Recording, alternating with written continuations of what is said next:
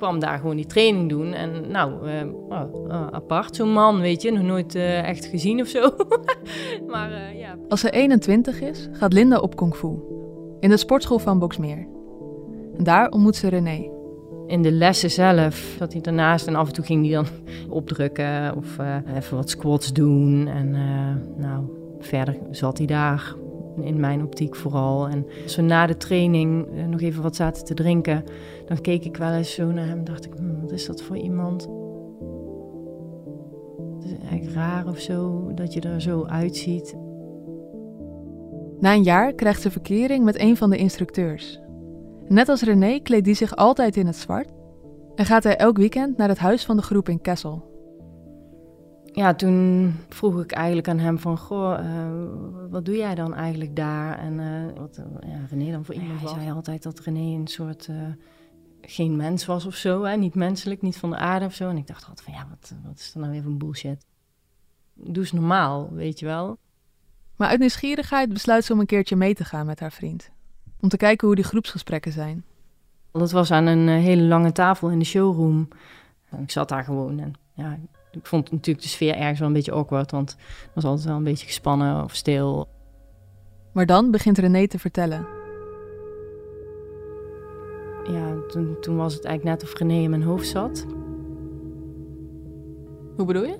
Ja, ik weet niet. Zij waren gewoon iets aan het vertellen over het leven. En ik, ik weet niet, het, in mij resoneerde dat gewoon heel sterk. En vanaf dat moment dacht ik, ja, dit is het dat ik echt het gevoel had van wow, die zitten gewoon in mijn hoofd. Het is echt ongelooflijk. Hoe kan dit?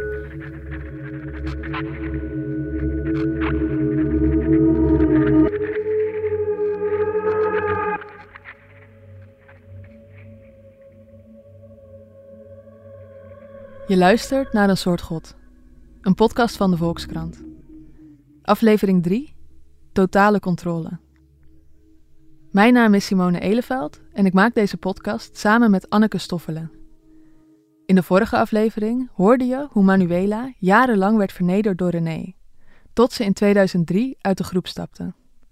In deze aflevering hoor je van Linda, Jeppe en Joris hoe René zijn grip op de groep daarna nog verder verstevigde. En dit klinkt misschien extreem, maar de manier waarop hij dat deed ligt niet zo gek veraf van de methodes die totalitaire regimes gebruiken om hun burgers te onderdrukken. Aan het begin van de jaren 60 deed psychiater en historicus Robert Lifton onderzoek daarnaar. Hij interviewde tientallen vluchtelingen en ex-krijgsgevangenen uit communistisch China. Zij vertelden over alle manieren waarop hun onafhankelijke denken jarenlang was onderdrukt, tot ze zelf zijn gaan geloven in die nieuwe waarheid van het communistisch regime. Op basis van die gesprekken stelde Lifton een lijst op van hoe dat proces werkt. En hij noemde het de acht regels van gedachtehervorming. Zo heb je regel 1, totale controle over informatie en communicatie. En die ligt misschien voor de hand, maar je hebt ook opvallendere regels, als bijvoorbeeld regel 2, mystieke manipulatie. Het doen voorkomen van magische momenten die spontaan lijken, maar in werkelijkheid in scène gezet zijn. En dit om de leider een status te geven van een soort god.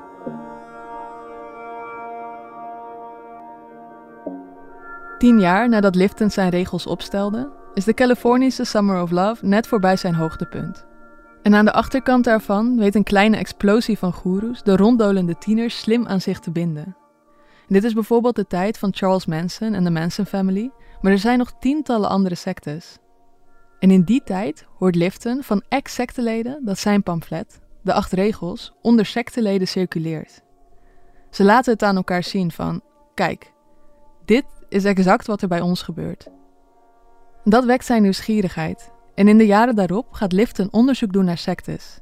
En realiseert hij zich, of het nu op kleine of grote schaal is, totalisme heeft eigenlijk altijd dezelfde vorm.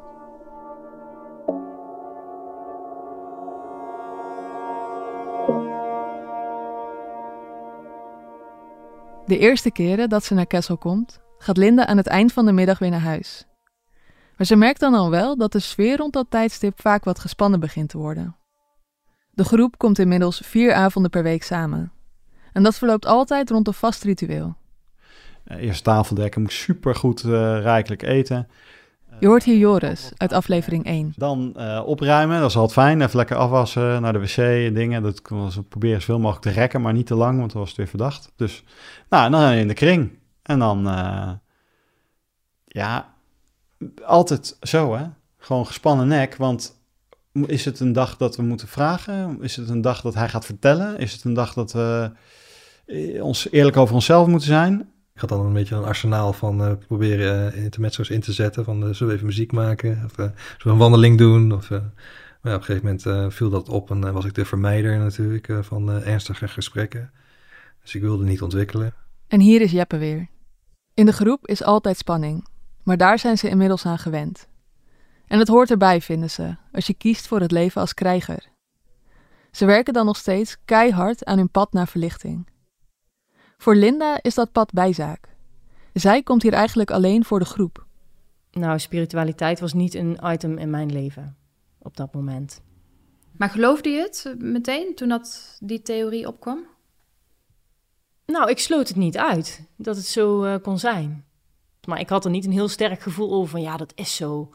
Inderdaad, het is al mijn zoveelste leven. Nou, je het zegt, hè? Eindelijk iemand die, die dat uh, tegen mij zegt of zo.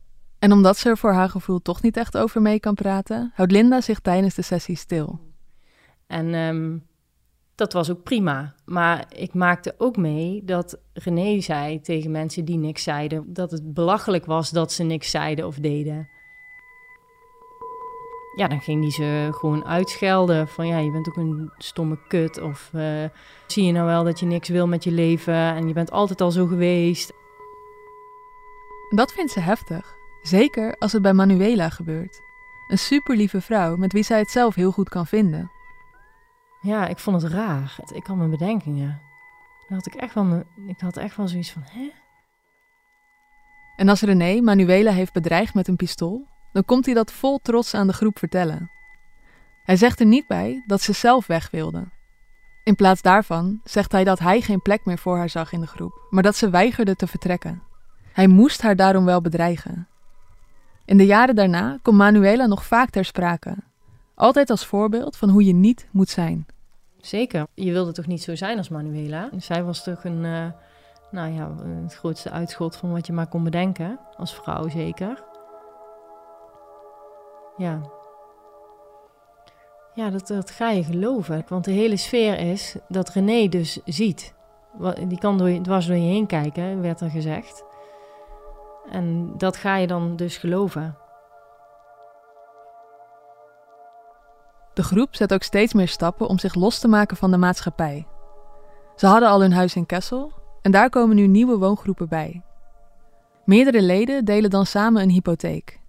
Jeppe en Joris kopen ook een huis, samen met twee andere jongens. Een van hen is de vriend van Linda, dus mag zij er ook bij. Ik vond het heel erg tof dat ze mij ook opnamen en zo. En ze heeft het heel leuk met de jongens. Ze hebben veel lol samen. Bijvoorbeeld als ze met een groep naar de dumpstore gaan om hun camouflageuniform te halen. En die jongen die liet mij een uh, jas zien, want dat vond hij gewoon heel erg bij mij passen.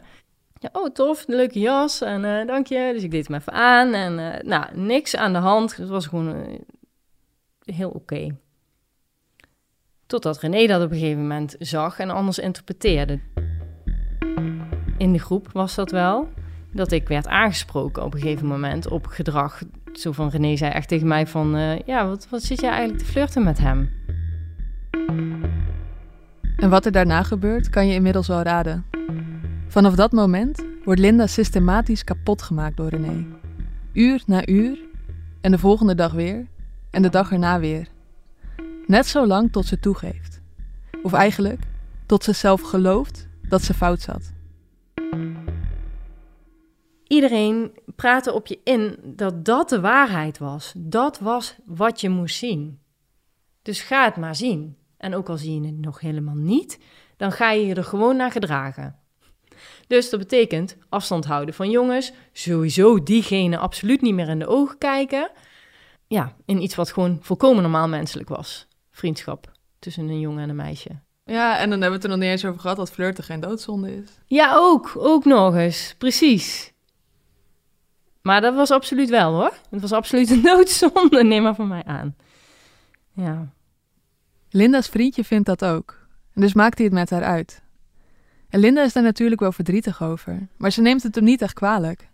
Nou, ik begreep dat wel natuurlijk, want ik was toch zo. En ja, er was ook geen keus, want René zorgde er wel voor dat hij het uit ging maken natuurlijk. Want René, die bepaalt alles. Ook wie met wie naar bed mag. Als groepsleden een relatie willen beginnen, dan vragen ze daarvoor toestemming aan René. Dan kan hij beoordelen of die relatie wel past bij hun ontwikkeling op dat moment. En zo bepaalt René eigenlijk hun hele dagelijks leven. Wat ze eten, welke kleding ze dragen, welke films ze s'avonds kijken. En ook wat de vakantiebestemming wordt. We hadden af en toe vakantie, één keer per jaar. Eerst was dat in België, maar nou hoefde dat niet meer, want we hadden een eigen plek. En het was het voorstel om een zomervakantie daar uh, uh, te vieren. Uh, hadden we een legertent gekocht en dan gingen we daar slapen met de rest van de mensen. Eerst zou die vakantie drie weken duren, maar steeds wordt er nog een weekje aan vastgeplakt. Uiteindelijk werd dat zeven weken gewoon werken. Hè? Dus je werkt, je komt terug, uh, je gaat daar je thuis even je honden en katten verzorgen, dan daarheen, dan uh, tot, tot drie, vier uur s'nachts lullen over de geest, om het zo maar te zeggen. Om 6, 7 uur gaat de wekker. Uh, naar huis, dieren verzorgen, werken. Uh, niet tegen een boom rijden tussen de witte strepen proberen te blijven. Terug, dieren verzorgen, douchen, daar naartoe, eten bestellen. Elke dag, zeven weken lang. Het is een uitputtingsslag. Je kunt niet meer. Zeg maar, je hersens voelen als soep. Gewoon. Wat er ook opkomt, uh, je hebt niet eens de energie om de aandacht aan te besteden. Murf. Je bent totaal murf. Je kunt niet zelf uh, denken meer. En daarna stelt René voor om ook buiten de vakanties nog vaker samen te komen. Dus dan waren er woensdagavond, vrijdag, zaterdag en zondag. Dat is vier dagen, dat is meer dan de helft van de week. En dan werd er af en toe op maandag nog gebeld, of dinsdag of donderdag. Ja, er is iets ernstigs, we moeten bij elkaar komen, we moeten het oplossen met elkaar. Nou ja, je doet het. Dus je bent eigenlijk gewoon altijd bij elkaar. Die ene dag dat je er niet bent, dan kom je thuis en flik je met kleren aan op de bank en, uh, en je wordt s ochtends een keer wakker. Jeppe en Joris zijn doodop. Maar toch proberen ze hun klusbedrijfje in leven te houden. Ja, je houdt elkaar overeind, zeg maar. En uh, we hadden soms klussen en dan moesten we zolders aftimmeren. Nou, we deden gewoon één pitten en de ander timmeren. En, uh, en, en als uh, de uitvoerder kwam, deden we even kloppen, snel wakker worden, uh, meetimmeren. Soms maakten we alleen maar geluiden boven. Maar het is niet alleen door hun werk en die nachtelijke groepsessies dat ze zo kapot zijn. Dat komt ook doordat ze in hun hoofd eigenlijk altijd met René bezig zijn. Je was bezig met het gelijf redden, je was bezig met punten verzamelen, zodat je weer beter ervoor stond. Uh, je was bezig om tegelijk te proberen niet anderen uh, te benadelen. Of, of, juist te helpen als je het op de juiste manier deed, dat je daar punten voor kreeg. Een meisje wilde, wilde weg uit een bepaalde woonsituatie. Ja, zou ze bij ons, als we die kamer zo indelen en daar dat. Uh, nou, Joris heeft tenminste ideeën. Punten. En als je punten scoort, dan heb je weer even energie. Op het moment dat je weer meetelt, oh, dan valt al die spanning van je af en dan... Pff, en dan weet je weer waar je het voor doet. Uh, hij kan zelfs de afstraffing van de dag daarvoor dusdanig in een daglicht plaatsen. Dus ja, ja, je had dat gewoon even nodig om boven jezelf uit te groeien. Maar ja, dan ben je ook nog eens dankbaar voor die afstraffing. Ja. Maar dat gevoel van overwinning, dat houdt nooit lang aan. En op een gegeven moment ben je gewoon op. Want ja, je kunt niet uh, drie uur slaap, drie, vier uur slaap per nacht uh, werken, geld verdienen, een hypotheek hebben en, en de helft van de tijd uh, je afmelden voor het werk. Dat gaat niet. Dus uh, we hadden om, om uh, te kunnen leven ook wietplantages. Een heel aantal wietplantages. In de kelder van het huis in Kessel, op de zolders van de woongroepen en in schuren die ze via via regelen.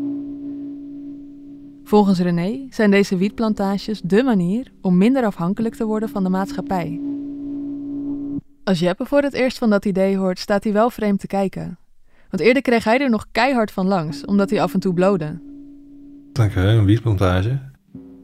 Dat heb ik ook wel te bedden gebracht van, nee, maar uh, hoe, zit, hoe zit het koppelen aan ons spirituele pad? Maar toen kreeg ik heel erg op een flikker dat ik, niet, uh, dat ik hem niet vertrouwde en dat hij heus wel alle voor's en tegens had bekeken en dat dit de escape was, ben ik al snel afgehaakt van oké, dat zal wel dan. Jeppe is dan sowieso te moe om nog helder na te denken. En dat is misschien ook wel de reden dat hij een nogal wild plan bedenkt om het weer goed te maken bij René. Nou ja, ook toen was de, de economie nog vrij coulant en dan kon ik gewoon naar de bank en zei ik, hey, ik wil een auto kopen en uh, ik heb 20.000 euro nodig. Diezelfde dag heb ik nog uh, naar, naar, de overkant gelopen naar de andere bank. En heb ik hetzelfde bedrag uh, geleend. Omdat toen nog niet werd geregistreerd dat ik bij de andere bank had geleend. Dus toen ook in één dag 40.000 euro in de lening kunnen. Dus dan kon ik daar lekker de held uithangen. Ik ben degene die de, de shit mogelijk maakt. En zo steken meerdere groepsleden zich in de schulden voor die wietplantages. Maar ze maken zich daar geen zorgen over, want volgens René zijn met die wietplantages alle geldzorgen van de groep voorbij. En is dat ook gelukt? Of? Nee. Hij vooral. En, en dan uh, degene die hebben geholpen, de, de broodkruimels en uh, de rest van de groep. Uh, die hebben niet echt mee kunnen genieten. Het runnen van een wiethandel is lastiger dan ze dachten. René belt de jongens ook om de haverklap uit bed om een wietplantage te ontruimen. De mogelijkheid op eventueel gepakt worden was altijd reden om te ontruimen. Dan had iemand uh, om het pand heen gelopen en dat was dan uh, te gevaarlijk om het door te zetten. Moest alles afgebroken worden. En zijn jullie ooit gepakt? Nou, we hebben al inval uh, gehad, maar toen hadden we net ontruimd. dus dat was weer niet voor niks dat we voorzichtig waren. Met die plantages is de groep het criminele pad opgegaan. En daarom is het nu nog belangrijker dat er niemand uit de groep stapt die hen kan verraden. En een van René's belangrijkste middelen om grip te houden is de groepsessie. Die worden nog intenser. Daarbij krijgt één lid het het zwaarste verduren. Sarah. Dat is niet haar echte naam en ze wil ook niet met haar stem in deze podcast. Want ze heeft haar familie nooit tot in detail durven vertellen hoe heftig het was in de secte. Nadat Manuela weggaat, lijkt Sarah haar rol als paria te hebben overgenomen. En als René voor het eerst fysiek geweld gebruikt, dan begint het bij Sarah. Linda was erbij. Ja, om redenen die hij dan noodzakelijk vond, dat, dat ze dan uh, klappen kreeg eigenlijk. Maar hij noemde het dan malle klapjes, want hij vond het allemaal maar niks voorstellen. En hij zag de heelmeesters maken stinkende wonden, zullen we zeggen. Dat was wat hij, waarmee hij het ook gewoon vergoelijkte. Ik kan me echt zo herinneren dat hij dat gewoon zo ook echt vond, van die malle klapjes. Terwijl echt waar, ik dacht, nou, je slaat daar dadelijk nog door midden, man. Maar het blijft niet bij Sarah. René wordt steeds gewelddadiger. In het bijzonder naar de vrouwen van de groep. En de reden daarvoor kan echt van alles zijn. De eerste keer dat hij Linda in haar gezicht slaat, is als ze niet wil toegeven dat ze niet hard genoeg werkt en haar ontwikkeling als krijger. Op zo'n moment was het eh, dat hij dan voor me ging staan en dat ik echt gewoon, ja, ik moest dus blijkbaar gewoon echt zeggen dat ik niet deugde en dat ik niet. Uh, wilde. Maar ja, ik wilde dat niet zeggen. Ja, ik weet niet waarom. Ik, ik had gewoon zo'n zo'n gevoel van... hé, hey, maar nee, maar dat klopt helemaal niet of zo, weet je wel. Ja, en toen... Eerst duwde hij me in de bank. En toen moest ik weer opstaan. En toen duwde hij me nog een keer. En dan duwde hij me echt zo tegen mijn borst. Moest ik weer opstaan. En, en dan kreeg ik een klap tegen mijn linkerwang. En dan kreeg ik een klap tegen mijn rechterwang. Later in deze serie hoor je nog van René zelf. Maar voor nu is het alvast goed om dit te weten. René die geeft toe dat hij zijn leerlingen heeft geslagen. In ons interview zei hij dat hij dat deed uit diepe teleurstelling over het immorele gedrag van de groepsleden. In de rechtszaal voegde hij daar nog aan toe dat het altijd om seks ging, dat alle groepsleden daar te los mee omgingen in zijn ogen. En ze hadden het volgens hem nodig. Maar hij zegt zelf dat het niet verder is gegaan dan slaan met de vlakke hand. Linda herinnert zich dat anders. Het heeft me ook wel gedreigd um, dat ik iets moest bekennen of toegeven. Dat hij een mes op mijn keel hield. Um, ook wel eens het botte deel van een mes, maar ook wel een keer het scherpe deel van een mes. Ik had wel altijd, en dat is dan sowieso super paradoxaal, hè? omdat je natuurlijk in je hoofd geprent hebt en ook diverse keren naar je hoofd hebt gekregen van ja, ik ben je beste vriend en ik doe het allemaal voor jou. Dus ergens in mij, want anders was ik waarschijnlijk al lang weggerend, had ik zo de overtuiging dat hij het allemaal voor mij deed. Dat hij zo'n goede bedoelingen met mij had. Dus ik was wel super bang. Maar iets in mij vond toch altijd van ja, René gaat dat niet doen. Hij gaat niet mijn uh, strot doorsnijden of uh, hij gaat me niet slaan of zo. Ja, slaan deed hij dus op een gegeven moment gewoon wel. Eén keer kan ik me nog herinneren dat ik, ja, dat is alweer iets verder in, uh, in dat ik erin zat. Ik denk 2013 of zo. Wij zaten dus allemaal weer aan een lange tafel. En moest ik dus naast hem komen zitten. En zo mijn, mijn arm uh, laten zien. En hij had een mes bij zich. En uh, toen zei hij van, ja, nou, waar, waar moet ik je snijden dan? ja, dat ik echt zoiets had van, ja, maar je moet mij niet snijden. Dus dat zei ik dan ook. Je zegt nu waar ik je moet snijden. En toen, ja, toen dacht ik bij mezelf, ja, kloot, dat gaat hij nog echt doen. En, maar ik heb het toch maar gezegd, want ik dacht, ja, ik weet ook niet wat hij anders doet. Iedereen was helemaal stil. Het was doodstil. En ja, ik kan, me, ik, kan, ik kan me niet herinneren dat er iemand is die iets gezegd heeft van... hé doe dat nou toch niet. Want dat durfde denk ik ook helemaal niemand op dat moment. Want hoe als hij dan doorflipte dat hij dan toch iets zou doen, weet je wel. Daar waren we dan toch wel echt uh, allemaal wel bang voor.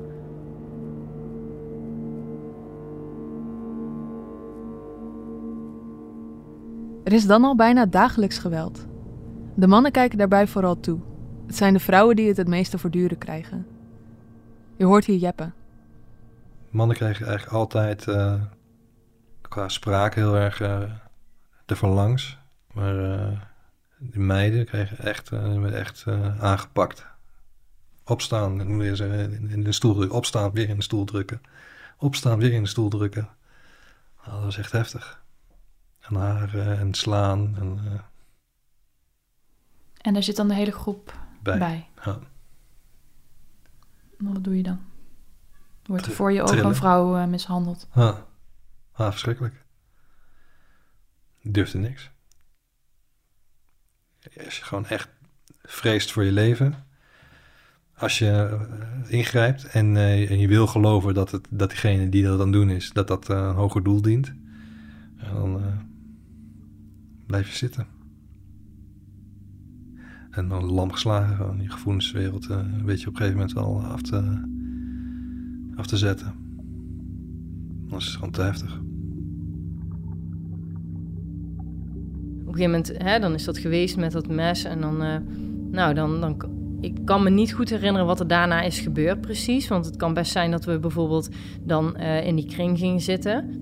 En dat er dan bijvoorbeeld een gesprek met mij moest plaatsvinden. Dat de mensen met mij een gesprek moesten hebben om mij te laten inzien wat René bedoelt.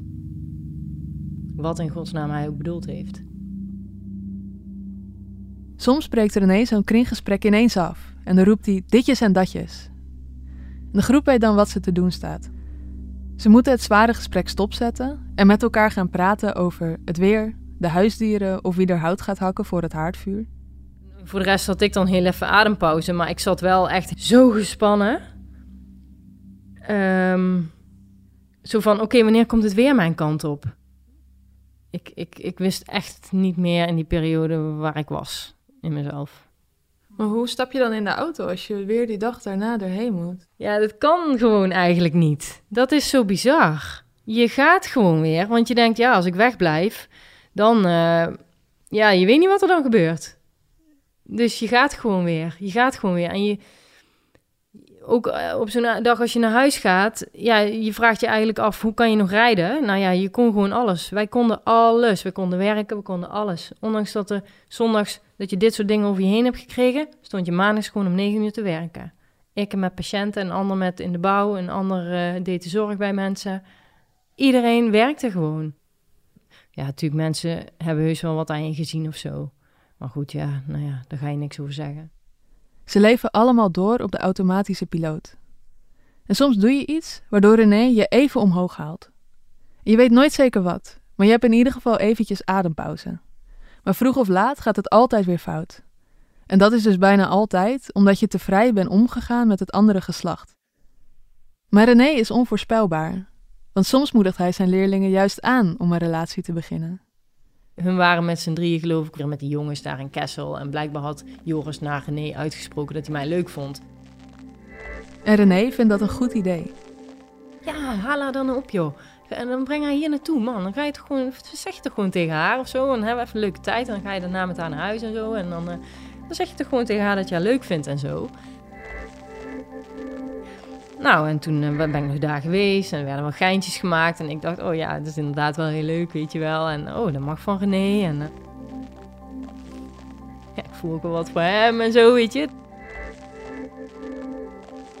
Dus het was echt vet leuk. En we hadden het echt heel leuk samen. Het voelde gewoon super, super goed en zo. En echt, nou, hartstikke leuk. En het was ook. We kregen misschien zondag of zaterdag iets met elkaar, weet ik veel.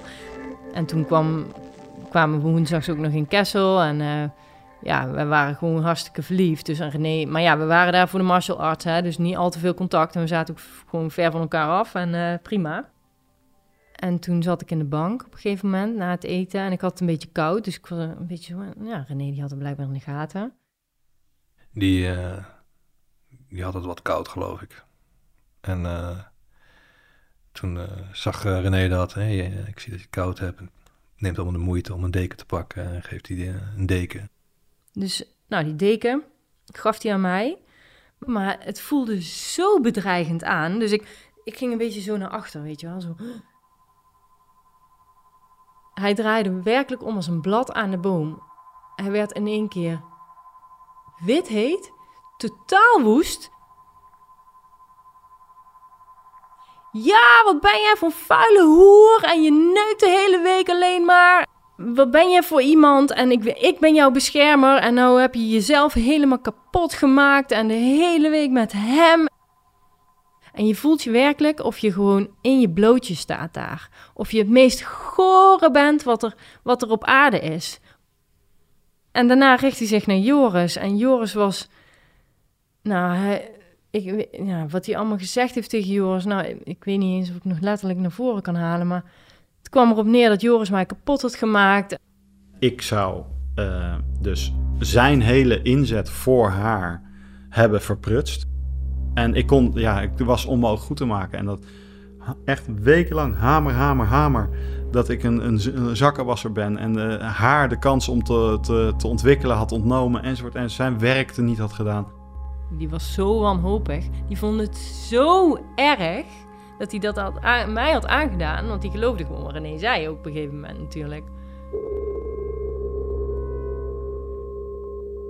Ja, Joris, die uh, zie ik nog uh, stotteren van ja, maar ik hou echt uh, van als, als ik. dan, dan was natuurlijk niet zo, want dan moesten we hem helpen dat, dat hij inzag dat hij alleen zijn pik volgde en niet zo'n gevoel van zijn hart. Ik weet niet of die Joris geslagen heeft. Zou best kunnen. Ik weet het, ik weet het niet eens meer. Het, het is dat ik een, een soort van in een shock verkeerde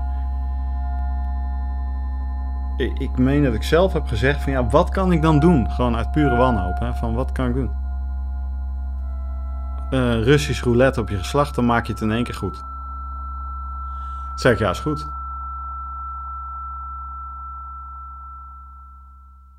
Ja, dat, inderdaad, nou je dat zegt. Hij was echt helemaal, uh, helemaal wanhopig. was helemaal aan het huilen over... Ja, wat kan ik alsjeblieft, wat kan ik, zeg maar, wat ik kan doen. Ik doe alles ik was toen ook al helemaal in paniek en uh, apathisch. Ik zie alleen maar nog dat, dat tafereel daar een beetje uh, midden het vuur. En dan zo'n kring en aan de andere kant van het vuur gebeurde dat. Uh, dan zie ik hem daar stoeien met, met René en, en de gun, geloof ik. Maar het hoefde niet meer. Opeens hield het op en toen was het... Uh, was gebroken, dus het was... het doel was bereikt relatie over.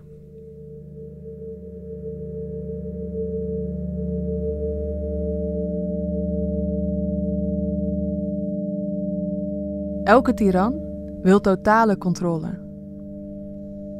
In haar boek Trauma en Herstel beschrijft psychiater Judith Herman hoe daders controle willen over hun slachtoffers. Controle over hun denken, controle over hun lichaam en controle over hun realiteit. Maar uiteindelijk is alleen controle niet eens genoeg. Een dader wil zich ook nog goed kunnen voelen over zichzelf. En daarom probeert hij een situatie te creëren waarin een slachtoffer meewerkt of hem zelfs dankbaar is. Zodat hij later kan zeggen: Ik heb haar geholpen. En ze wilde het toch zelf? Ook René creëert meewerkende slachtoffers. Hij isoleert Linda van de rest van de groep en geeft haar het gevoel door iedereen verraden te zijn en iedereen te hebben verraden. En wie heeft ze dan nog over? Nadat dat met Joris was gebeurd, toen, ehm, toen kwam die eigenlijk naar mij toe en was in de schuur, dat weet ik nog heel goed. We stonden achter de G en toen zei hij... Uh, hey, doe het dan met mij. Hij zei dus van, doe het dan maar met mij. Ja, en hij bedoelde seks.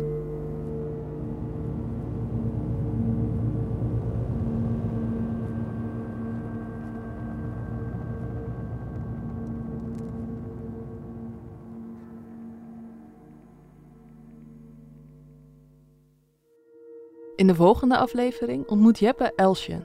Maar die had niet een hele positieve indruk op mij eh, gemaakt. Ja, dat voelde ik wel. Ik voelde me niet welkom. Maar zo makkelijk laat zij zich niet opzij schuiven. Nou, zij was wel heel erg vrijpostig in het vragen naar uh, privéomstandigheden. Uh, met die vriendenclub, hoe zit dat dan? En elke keer kwam er weer een beetje meer informatie, wat ik allemaal chockerend vond. En toen zei ik, maar het lijkt wel een secte. Maar kan Jeppe haar wel toelaten in zijn leven? Dat was gewoon niet echt een uh, optie. Als je dat gaat doen, dan, uh, dan overleef je niet. Letterlijk. Nou ja, als ik nog ooit een keer een meisje het lastig zou maken met dat ik haar leuk zou vinden, dan zou hij mijn rug breken.